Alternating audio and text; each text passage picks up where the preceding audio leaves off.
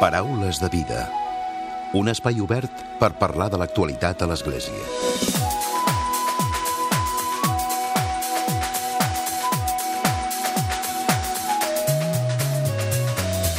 Què tal? Salutacions i molt bon dia, molt bon diumenge. Ja estem immersos en el nou temps d'Advent, aquell temps de preparació pel Nadal. Segons explicava el cardenal arcabisbe de Barcelona, Joan Josep Omella, la seva última carta dominical, la del passat diumenge, el temps d'Advent és d'avinguda, de naixement i de manifestació. Com, ens, com hem de viure l'Advent, el temps que ens porta fins al Nadal? Avui reflexionarem a la segona part del programa i ho farem amb Ramon Uller, que és diaca permanent de l'Arcabisbat de Barcelona.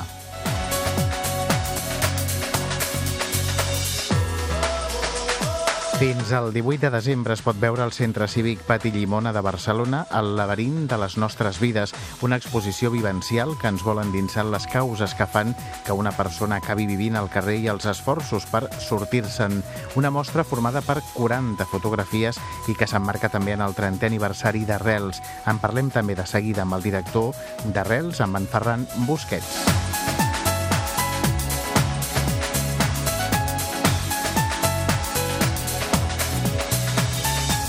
Com sempre, tancarem el Paraules amb el comentari de l'actualitat de Francesc Romeu. Comencem.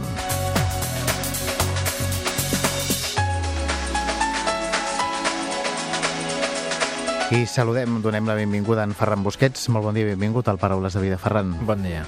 30 anys d'arrels i ho celebreu amb una exposició. Sí, són 30 anys que no tenim molt clar si celebrar o no celebrar, però com a mínim intentem recordar o aprofitar-los per, uh, per recordar que hi ha gent dormint al carrer i que la situació és molt tràgica, diguem. Uh -huh. Molt tràgica i que, com dèiem ara abans de començar el programa, cada vegada va en augment, no? Sí, de fet, un dels problemes... O sigui, no hi ha cap indici que ens faci dir que la cosa anirà millor, sinó tot el contrari. Totes les xifres i tota la situació ens fa dir que la cosa anirà cada cop a pitjor. I la sensació és que no fem cap passa important per solucionar-ho. Uh -huh. Ara celebreu aquests 30 anys, com dius, no és potser una manera de celebrar, però sí una manera de recordar la, la important tasca que feu des de, des de la Fundació, des d'Arrels Fundació. El laberint de les nostres vides. Són, hem dit, 40 fotografies, uh -huh. que és el que mostren. El que volem mostrar amb aquest espai és precisament que tu entres en un espai en què tu veuràs doncs, unes imatges i, i més coses que, que la gent es vagi trobant, amb el qual tu serà difícil trobar la sortida, que és el que passa una persona quan arriba al carrer, es troba un laberint amb el qual no pot sortir i quan al final troba la sortida que sempre existeix, una altra cosa és que aquestes persones que ven al carrer els hi donem, quan surts d'aquest espai volem que la gent surti transformada, que surti diferent, que és precisament el que li passa malauradament en aquest cas a una persona que dorm al carrer. Volem apropar, apropar aquestes situacions i recordar doncs, que hi ha coses que per nosaltres són molt fàcils o, o, o les tenim i hi ha molta gent, en aquests moments, mil persones que dormen al carrer una nit com avui a Barcelona que no les tindran. Uh -huh. Un miler de persones. Un miler de persones com a mínim, i això en una nit. Durant l'any és bastanta més gent. Uh -huh. I hem de tenir en compte també les condicions que hi ha actualment, no? l'hivern, no? el fred uh -huh. i la situació que passen. No? El fred és un problema molt important, encara que la pluja també ho és, i qualsevol moment de l'any és un problema molt greu, però sí que el fred ho accentua perquè, eh, evidentment, si la temperatura baixa moltíssim es, es, es, hi ha un problema. I sobretot el que hem de començar allà a assimilar o a esborrar és aquestes, eh, aquests enganys que ens fem de dir que la gent mm, està al carrer perquè vol i que la gent no vol anar a cap dels llocs on es diuen que poden anar. Uh -huh. De fet, és un cliché que hi ha, no? Un mm. pensament de si està al carrer és perquè vol, no? Sí, i a més això és un error molt gran, és a dir, perquè això, eh, quan diem és que està al carrer, la, mira, mira que bé que l'Ajuntament li està oferint uns espais on dormir i no vol anar, per tant, la conclusió immediata és estar al carrer perquè vol, perquè podria estar en un altre lloc. El que no sabem és que aquest altre lloc pot ser que per aquesta persona és pitjor, no? el fet de desplaçar-se a uns llocs estanys de Barcelona, desplaçar-se a alguns llocs que, que, no, que la seguretat és, no està tan clara o la incomoditat és molt més gran, i que després aquest espai s'acaba i per tant tornem a començar. Doncs de vegades és millor estar uh, on estàs i, i saber tenir la situació més controlada. Arrels té una llarga trajectòria en atendre les persones que no tenen llar. De fet, ara celebren el 30è aniversari. Ferran, ha canviat molt la situació de, de quan es va començar a fins ara, de, de com, com és la gent que viu al carrer, si s'han ampliat els perfils, si hi ha gent de tot tipus. Mm. Una mica quina és la, quina és la tipologia? Uh, quan vam començar, precisament vam començar perquè no hi havia res. Una de les raons per començar res és perquè no hi havia res. De fet, hi ha una cosa curiosa és que potser la gran majoria de les entitats que tenim a Barcelona i a Catalunya fins i tot van començar fa uns 30 anys, diguem, no? Uh, el que sí que ha canviat uh, molt és que ja no tenim aquells perfils, aquelles persones amb una situació tan deteriorada des d'un punt de vista físic, tan brutes, perquè també la qüestió de salut mental pues, hem anat millorant una miqueta i després recordem que una nit com avui hi haurà més de 2.000 persones que estaran en recursos. Amb, amb, amb el cas d'Arrels, gràcies a Arrels i, i sobretot la gent que dona suport, hi ha 200 persones que estan dormint al carrer. Gràcies a, si sumem tota la resta d'entitats i serveis socials, estem parlant de 2.000, 2.000 persones que si no hi hagués res estarien dormint al carrer. No? Per això diem que si tot això es tanca tindríem 3.000 persones, en tenim 2.000, fem un esforç més gran i fem que no hi hagi ningú. Uh -huh. De fet, eh, també hi ha l'etiqueta, no? el hashtag de ningú dormint al carrer, un, mm. un hashtag que de, des del Paraules de Vida també l'hem comentat moltes vegades i hem fet difusió. També fa pocs dies destacàveu o lamentàveu la pèrdua d'una persona que vivia al carrer amb 50 anys i parlàveu i, i dèieu, destacàveu el fet de, de que viure al carrer escurça la vida, no? de que viure al carrer fa que hi hagi una transformació de la persona a nivell físic també, no? a, a part del que hi hagi a nivell psicològic. Sí, sí, de fet, a, a una, la gent que nosaltres coneixem viu fins a 20 anys per sota de la, de la resta de la població. És a dir, les, totes les persones que han viscut al carrer que aquest any moriran viuran 20 anys més que tota la resta de ciutadans de Barcelona, per exemple. No? I, a més, hi ha una altra situació molt estranya que hem d'acabar d'aprofundir, és que quan la gent deixa el carrer, molts cops també Uh, de tot l'estrès que ha tingut, a vegades cauen en malalties també, no? I a vegades ho equiparem una mica en aquelles èpoques d'exàmens, no? Quan, quan els teníem i després deixàvem exàmens, doncs potser uh, físicament ens trobàvem malament. Però el que és veritat és que 20 anys respecte a la resta de la població és molt greu. De fet, ha sortit un informe de l'OMS, bueno, de l'OMS no, que qüestionava l'OMS en, en concret, dient això, que la pobresa s'hauria d'incloure com una situació que redueix la vida més enllà de les malalties, també. Clar, que afecta la salut directament. Sense cap dubte. Uh -huh.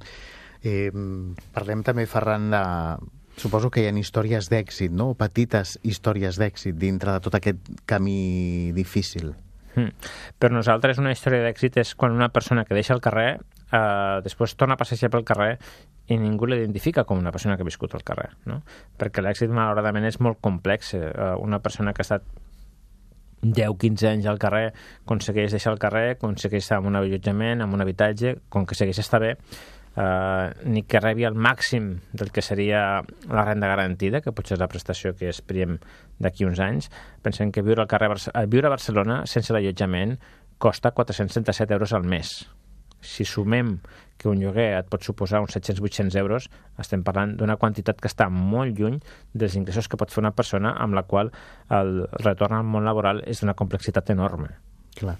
I el tema voluntariat també és important per vosaltres. per nosaltres el voluntariat més que important és, Essencial, és arrels, és diguem, bàsic, no? Clar, és, és bàsic, no? O sigui, arrels eh, un dia com avui ten, contem, ara mateix contem amb 400 persones que van fent diferents accions i, i vam començar com a, voluntari, com a voluntaris, necessitem encara molts voluntaris, sobretot necessitem molts voluntaris pels equips de carrer, perquè volem ampliar, i, i de fet el voluntari és clau fins al punt de que està l'equip directiu. Per tant, les persones que ens estiguin escoltant avui a través del Paraules de Vida de Catalunya Ràdio, si volen fer de voluntaris, què han de fer? Doncs poden trucar al 93441 2990 i preguntar, poden enviar un correu a voluntariat arroba arrelsfundació.org o entrar a la nostra web, que també és www.arrelsfundació.org i allà tindrà opcions per entrar. Tot i que suposo que no és fàcil, no?, ser voluntari. uh, avui en dia costa una mica més perquè sí que veiem que al haver moltes més ofertes i, i, i tenir més opcions, doncs, costa una mica més apropar-se amb aquests espais de voluntariat, no? L'oferta d'oci és molt més gran que potser fa 30 anys, diguem, no? Però la gent que ve normalment té moltes ganes de fer coses i això és el més important, no? I, i, i necessitem gent implicada amb, ganes, amb, amb, amb moltes ganes de ficar-se. Psicològicament, per exemple, si la persona sap que s'enfrontarà al carrer, no? de, de veure, de tenir un primer contacte amb una persona que potser no vol que li parli, no? són processos també complicats. No? Per sort tenim molts espais amb els quals és, és fàcil que qualsevol persona que tingui ganes de fer alguna cosa trobar l'espai per fer-ho, des de, eh, no sé, des agafar el telèfon que no tens contacte amb persones i, i, i, evidentment, ja els contacten en carrer. El que està clar és que el voluntariat de carrer transforma, vull dir, jo he vist gent voluntaris que han viscut malalties molt greus i han, i han estat molt... Mm, i han viscut aquesta malaltia d'una altra manera. També hem tingut voluntaris que han vingut per fer carrer i que al passar pel centre obert pues, pues han decidit fer un altre tipus de voluntariat i no passa res. L'important és que qui tingui ganes de fer-ho segur que hi haurà un espai. I quina és la percepció que teniu, Ferran, també de, de la societat en general, de com veu a les persones sense llar? Hi ha hagut un increment, com dèiem malauradament. No sé si això fa que o ens immunitza, que ja estem acostumats a que formen part del, del nostre entorn, del paisatge urbà sense cap dubte, el veure'ls cada dia ens immunitza, però des d'arrels estem intentant i, i, i per exemple, aprofitar espais com aquests, oportunitats com la que ens doneu, estem treballant per desimmunitzar tot això i per tot el contrari, que volem és inquietar la ciutadania per fer veure, primer, que és un problema molt greu, que és gent que està patint moltíssim i que és solucionable. Uh -huh. És a dir, que ho tenim a les nostres mans, no? Sense, per nosaltres tenim molt clar que el repte per que arribar ningú dormint al carrer és que tota la ciutadania tingui molt clar que això és possible i que ho fem. Jo penso que hi ha un exemple molt clar a Barcelona i és que no veiem cap nen dormint al carrer. I això és una cosa que ens pot semblar només faltaria, però és que hi ha, hi ha altres ciutats europees en què, sí que, en què sí que poden haver nens dormint al carrer. I en canvi aquí, si hi ha un nen dormint al carrer, es busca una solució immediatament. Per tant, diguéssim que aquí hi ha una capacitat de reacció més ràpida. Bueno, jo penso sentit. que hi ha una, una no acceptació que hagi un nen dormint al carrer. Ara falta que això ho passem Clar. també a l'esfera dels adults, és a dir, que no hi hagi ningú cap adult dormint al carrer, perquè és que no hi ha cap necessitat de que hi hagi ningú dormint al carrer. I això és, per mi és fonamental. Podria donar-se la situació que, que ens veiéssim veient a nens dormint al carrer? Si hi ha un nen dormint al carrer, el que hem de fer és immediatament trucar al 112 i això resoldrà d'una manera uh, ràpida, per sort. Uh -huh. I llavors, uh, això, és, això penso que és un èxit que tenim i ara hem de superar-ho i hem de fer que no hi hagi absolutament ninguna persona dormint al carrer. Com diu el hashtag. I per acabar per un, amb un minut, el laberint de les nostres vides ho poden veure fins al dia 18 de desembre al Centre Cívic Pati Llimona de, de Barcelona i possiblement es pugui veure en altres llocs, oi? Estem intentant treballar amb altres espais per fer que sigui una exposició itinerant. Per tant, si algú està molt interessat i té un espai, una universitat, una escola o el que sigui, només que ens ho digui i estarem encantats de, de, d'exposar-ho de, allà on sigui. De fet, seria una bona, doncs això, perquè la gent pugui reflexionar, pugui veure aquesta exposició i pugui veure què és el que significa viure al carrer i quina és la feina que fa Arrels. Ferran, gràcies i fins aviat. Gràcies a vosaltres. Paraules de vida amb Emili Pacheco. I tot seguit, com us dèiem a la portada del programa, volem parlar del temps d'Advent. De fet, avui és el tercer diumenge del temps d'Advent i parlem amb en Ramon Uller, que és diaca permanent. Ramon, bon dia. Hola, bon dia, bona hora, què tal? Quina és la significació del, de l'Advent? Bueno, crec que es resumiria probablement amb una expressió. Esperem la vinguda del Senyor. Es recordaríem allò de veniu, Senyor Jesús. Per tant, és un temps d'espera eh, que es culmina amb el que és la festa de Nadal un temps d'espera marcat doncs, per un període de pensar en què la gran festa amb la que celebrem l'encarnació del Senyor ens arriba en poques setmanes. I concretament avui celebrarem el tercer diumenge eh, d'Advent que té una significació especial dins d'aquestes quatre diumenges que formen el conjunt de l'espera del Senyor. Mm. Quin seria, quina seria la significació d'aquest tercer diumenge? Aquest, aquest eh, tercer diumenge té una significació que es diu el diumenge de Gaudete, que és per una raó bàsica, que és l'antífona que comença l'introit. També es nota des del punt de vista litúrgic amb un canvi de vestidures. Avui normalment s'utilitza el color rosa, que és un color que s'utilitza eh, dos cops a l'any. Per tant, significa que dins d'aquesta espera atenta, pacient de la vinguda del Senyor, la nostra comunitat o la comunitat de creients ens en alegrem de que el Senyor ressuscitat el tornem a celebrar en el seu naixement. Per tant, eh, el que estem dient és el Senyor és a pròpia i per tant alegrem-nos. És aquell que sempre ve nosaltres, és aquell que sempre s'alegra amb nosaltres. Per tant, representa una espera joiosa de que ja ho tenim molt a propet perquè precisament per això estem ja en el tercer diumenge. Per cert, que després hi haurà el quart diumenge, la setmana que ve, que serà la culminació del temps d'Advent. Bueno, aquest any ens cau en diumenge la culminació del temps del vent i, curiosament, el mateix diumenge 24 a la nit eh, celebrem amb les diferents eh, misses, amb les diferents litúrgies, l'esdeveniment del Senyor eh, en, a Betlem. Per tant, és un dia també molt significatiu, molt especial, perquè coincideixen l'acabament de la quaresma exacte clavat amb el dia, la mateixa nit que celebrarem la vinguda del Senyor. Uh -huh. Hem parlat de la significació del temps d'Advent, parlem també de com els cristians ho hem de viure. Bueno, jo crec que és un temps que l'hem de viure amb molta joia. Eh, la joia eh, de, de l'esperança. És a dir, si alguna cosa al món d'avui dia eh, ens obliga eh, a ser com a cristians és ser homes i dones esperançats, homes i dones que precisament perquè creuen en el Crist, perquè el veuen present amb la seva resurrecció, perquè el celebren amb la seva vinguda, perquè el celebren encarnat, perquè es fa home com nosaltres, perquè s'anorrea com nosaltres, perquè és capaç d'entendre tot l'humà, ens dona aquesta proximitat que ens pot donar la gran esperança de que ell va passar pel mateix que passem nosaltres i que ell segueix passant pel mateix que passem nosaltres.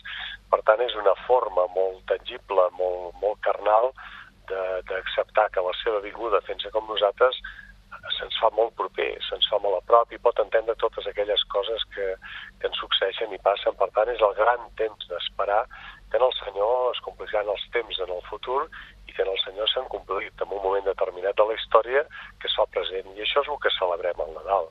Si Nadal no és la celebració que ens presenta eh, tant el món d'avui dia, de les compres, de les llums, de les festes, del consum, sinó és la festa de que Déu es fa home i per tant s'aproxima a la nostra humanitat fent-se com nosaltres, per tant fàcil de que ens entengui, fàcil d'estimar-lo, fàcil que ens estimi.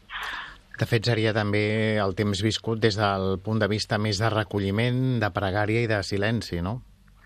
És un temps de recolliment joiós, és un temps de pregària, de pregària joiosa, és un temps de, de meditar també i de pensar molt seriosament enmig d'això que et representa, que ho representem amb una alegria, fins i tot de, de carrers i places, de llums, d'arbres, de representacions de pessebres, és realment eh, l'alegria que ens dona que puguem entendre d'alguna manera el misteri de Déu perquè ell s'encarna. I aleshores aquesta és la singularitat del nostre cristianisme, que el Déu se'ns encarna, que se'ns fa proper. Per tant, és un temps de pensar-ho molt seriosament i és un temps també d'estar contents i fer eh, una permanent eh, il·lusió de que aquest eh, nen eh, o d'aquest Déu fet nen el podem celebrar amb la il·lusió dels nens, que és aquella il·lusió que tot ho celebra, que tot ho estima, que tot ho abraça, que tot ho espera. Uh -huh. Juntament amb, el, amb la Setmana Santa, el, el Nadal i el temps d'Advent són temps litúrgics importants, oi? Són temps forts, és eh, el temps de Setmana Santa és un temps fort perquè el que celebrem a Setmana Santa és la crucifixió i la resurrecció del Senyor, és dir, és, és la història final d'aquesta encarnació que, fent-se com nosaltres, pateix com nosaltres, és crucificat, però que té una cosa absolutament única, singular, que és la raó de la nostra fe, és que ell ressuscita i està present. No va passar, sinó que està aquí, és avui aquí amb nosaltres. I aquesta és l'alegria que tenim els cristians, recordant que un dia va néixer, però recordant que el tenim present.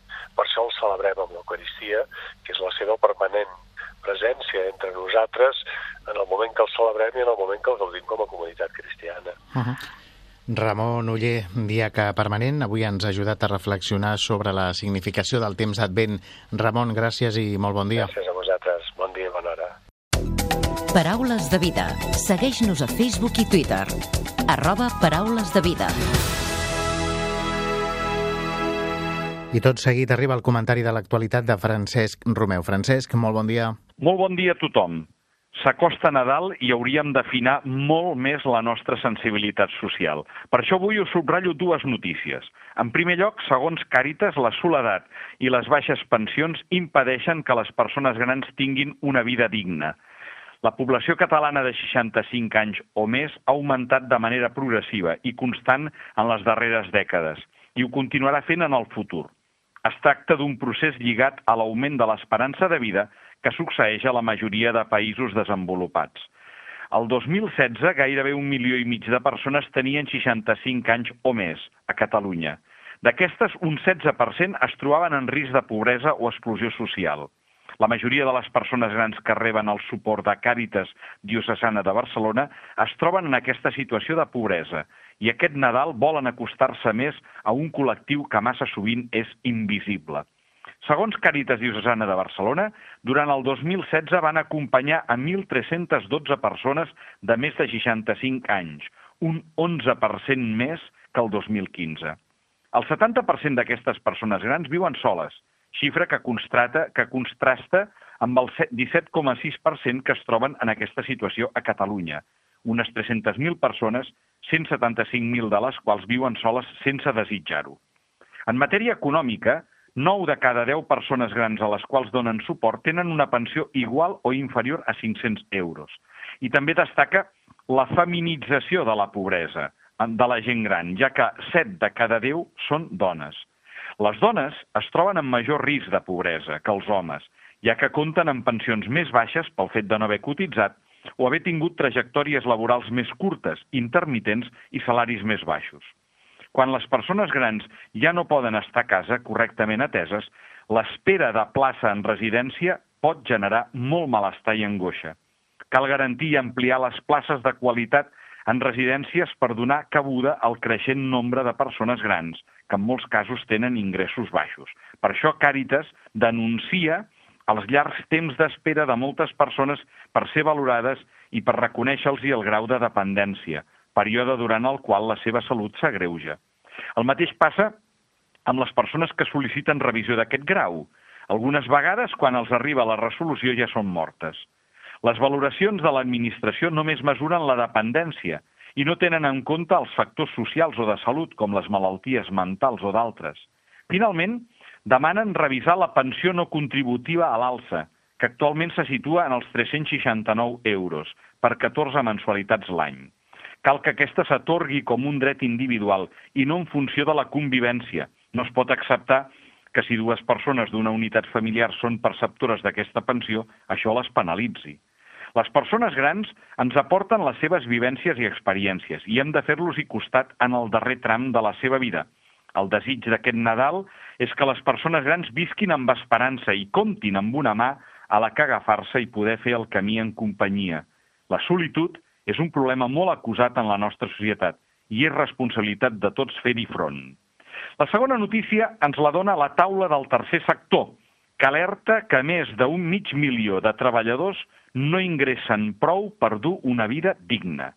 La taula d'entitats del tercer sector social de Catalunya, que agrupa 35 federacions que representen més de 3.000 entitats socials, ha presentat aquest dimarts a l'Ateneu Barcelonès l'informe Ocupació de qualitat, una resposta al fenomen dels treballadors i treballadores pobres.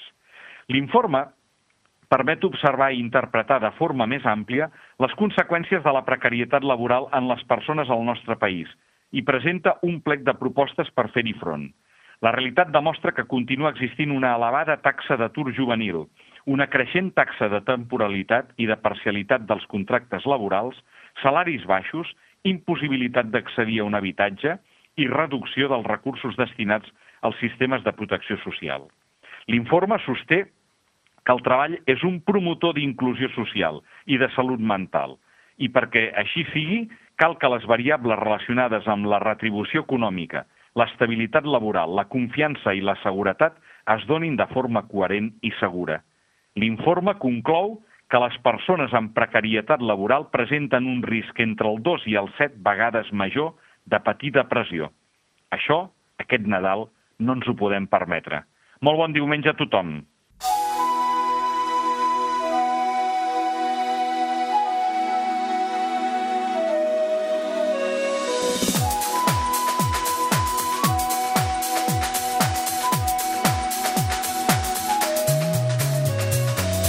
Fins aquí el Paraules de Vida d'aquest diumenge, d'aquesta setmana. En Lluís Alonso ha estat el control tècnic i qui us ha parlat l'Emili Pacheco. Que passeu bon diumenge i una molt bona setmana.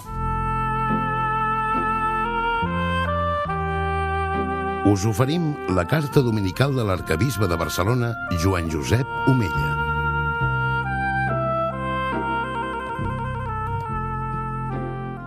Déu vos guard. Estem a les portes de celebrar el Nadal. Per als cristians, aquesta celebració és la commemoració del naixement del fill de Déu a Betlem. Sant Pau ho diu a la carta dels Gàlates. Però quan va arribar la plenitud de temps, Déu envià el seu fill nascut d'una dona, nascut sota la llei, perquè rescatés els que vivien sota la llei i rebéssim la condició de fills. Déu en Jesucrist no només s'ha fet solidari compartint la nostra condició humana, sinó que, a més, ens ha regalat una plenitud existencial que supera totes les nostres expectatives. Cap obsequi, per meravellós, esplèndid o sorprenent que sigui, pot igualar aquest regal de Déu. Nadal és la festa de la solidaritat, perquè és la manifestació d'un Déu solidari amb el món. Sant Pau ho expressa amb unes paraules plenes de sentit a la seva carta a Titus. Diu així, Déu ha manifestat la seva gràcia, que és font de salvació per a tothom. Nadal inclou un misteri de fe, però també inclou un missatge profundament humà. El fet que en Crist s'hagi manifestat la humanitat i la benignitat de Déu ens ha de fer més humans, però no solament els dies de Nadal, perquè la vocació de la persona humana és sobretot l'amor, l'amor rebut i l'amor ofert. Només en aquesta experiència l'home pot trobar el sentit més profund de la seva vida. El papa Francesc sovint ens recorda la seva predilecció per una església accidentada, ferida i tacada per haver sortit al carrer. La prefereix a una església malalta pel tancament i la comoditat d'aferrar-se a les pròpies seguretats, per l'enquistament en visions ideològiques o en el discurs de sempre s'ha fet així i per la por a les noves iniciatives evangelitzadores. L'Església no es redueix a una missió religiosa arraconada en un àmbit privat de la realitat. Sortir al carrer vol dir també intervenir en els àmbits seculars on es genera el pensament i la cultura. Vol dir-se present allà on la gent viu les seves alegries i els seus patiments. L'Església en sortida, que entre tots fem possible, irromp en un context marcat pel relativisme contemporani. Un dels perills d'aquest relativisme ideològic és la indiferència davant el patiment del proisme. En canvi, l'empatia és una característica de l'ésser humà que ens pot ser de gran ajuda. És aquesta capacitat la que ens permet de desenvolupar institucions o realitzar activitats verdaderament col·lectives.